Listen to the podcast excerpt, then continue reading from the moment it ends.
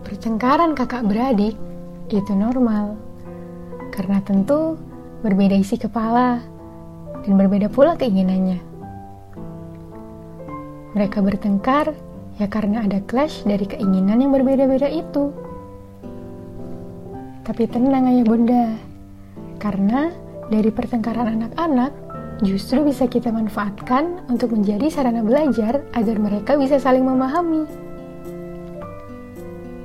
Jangan sampai kita sebagai orang tua malah menjadi hakim sambil bilang, "Udah dong, kakak ngalah sama adek."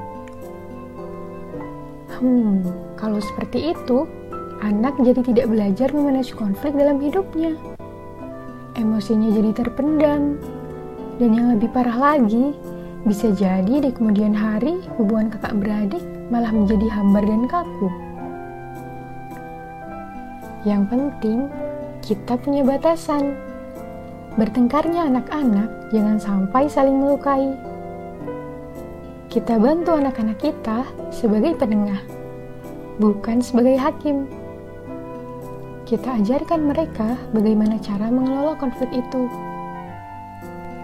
Karena takkan mungkin ada manusia yang hidupnya tanpa konflik kan?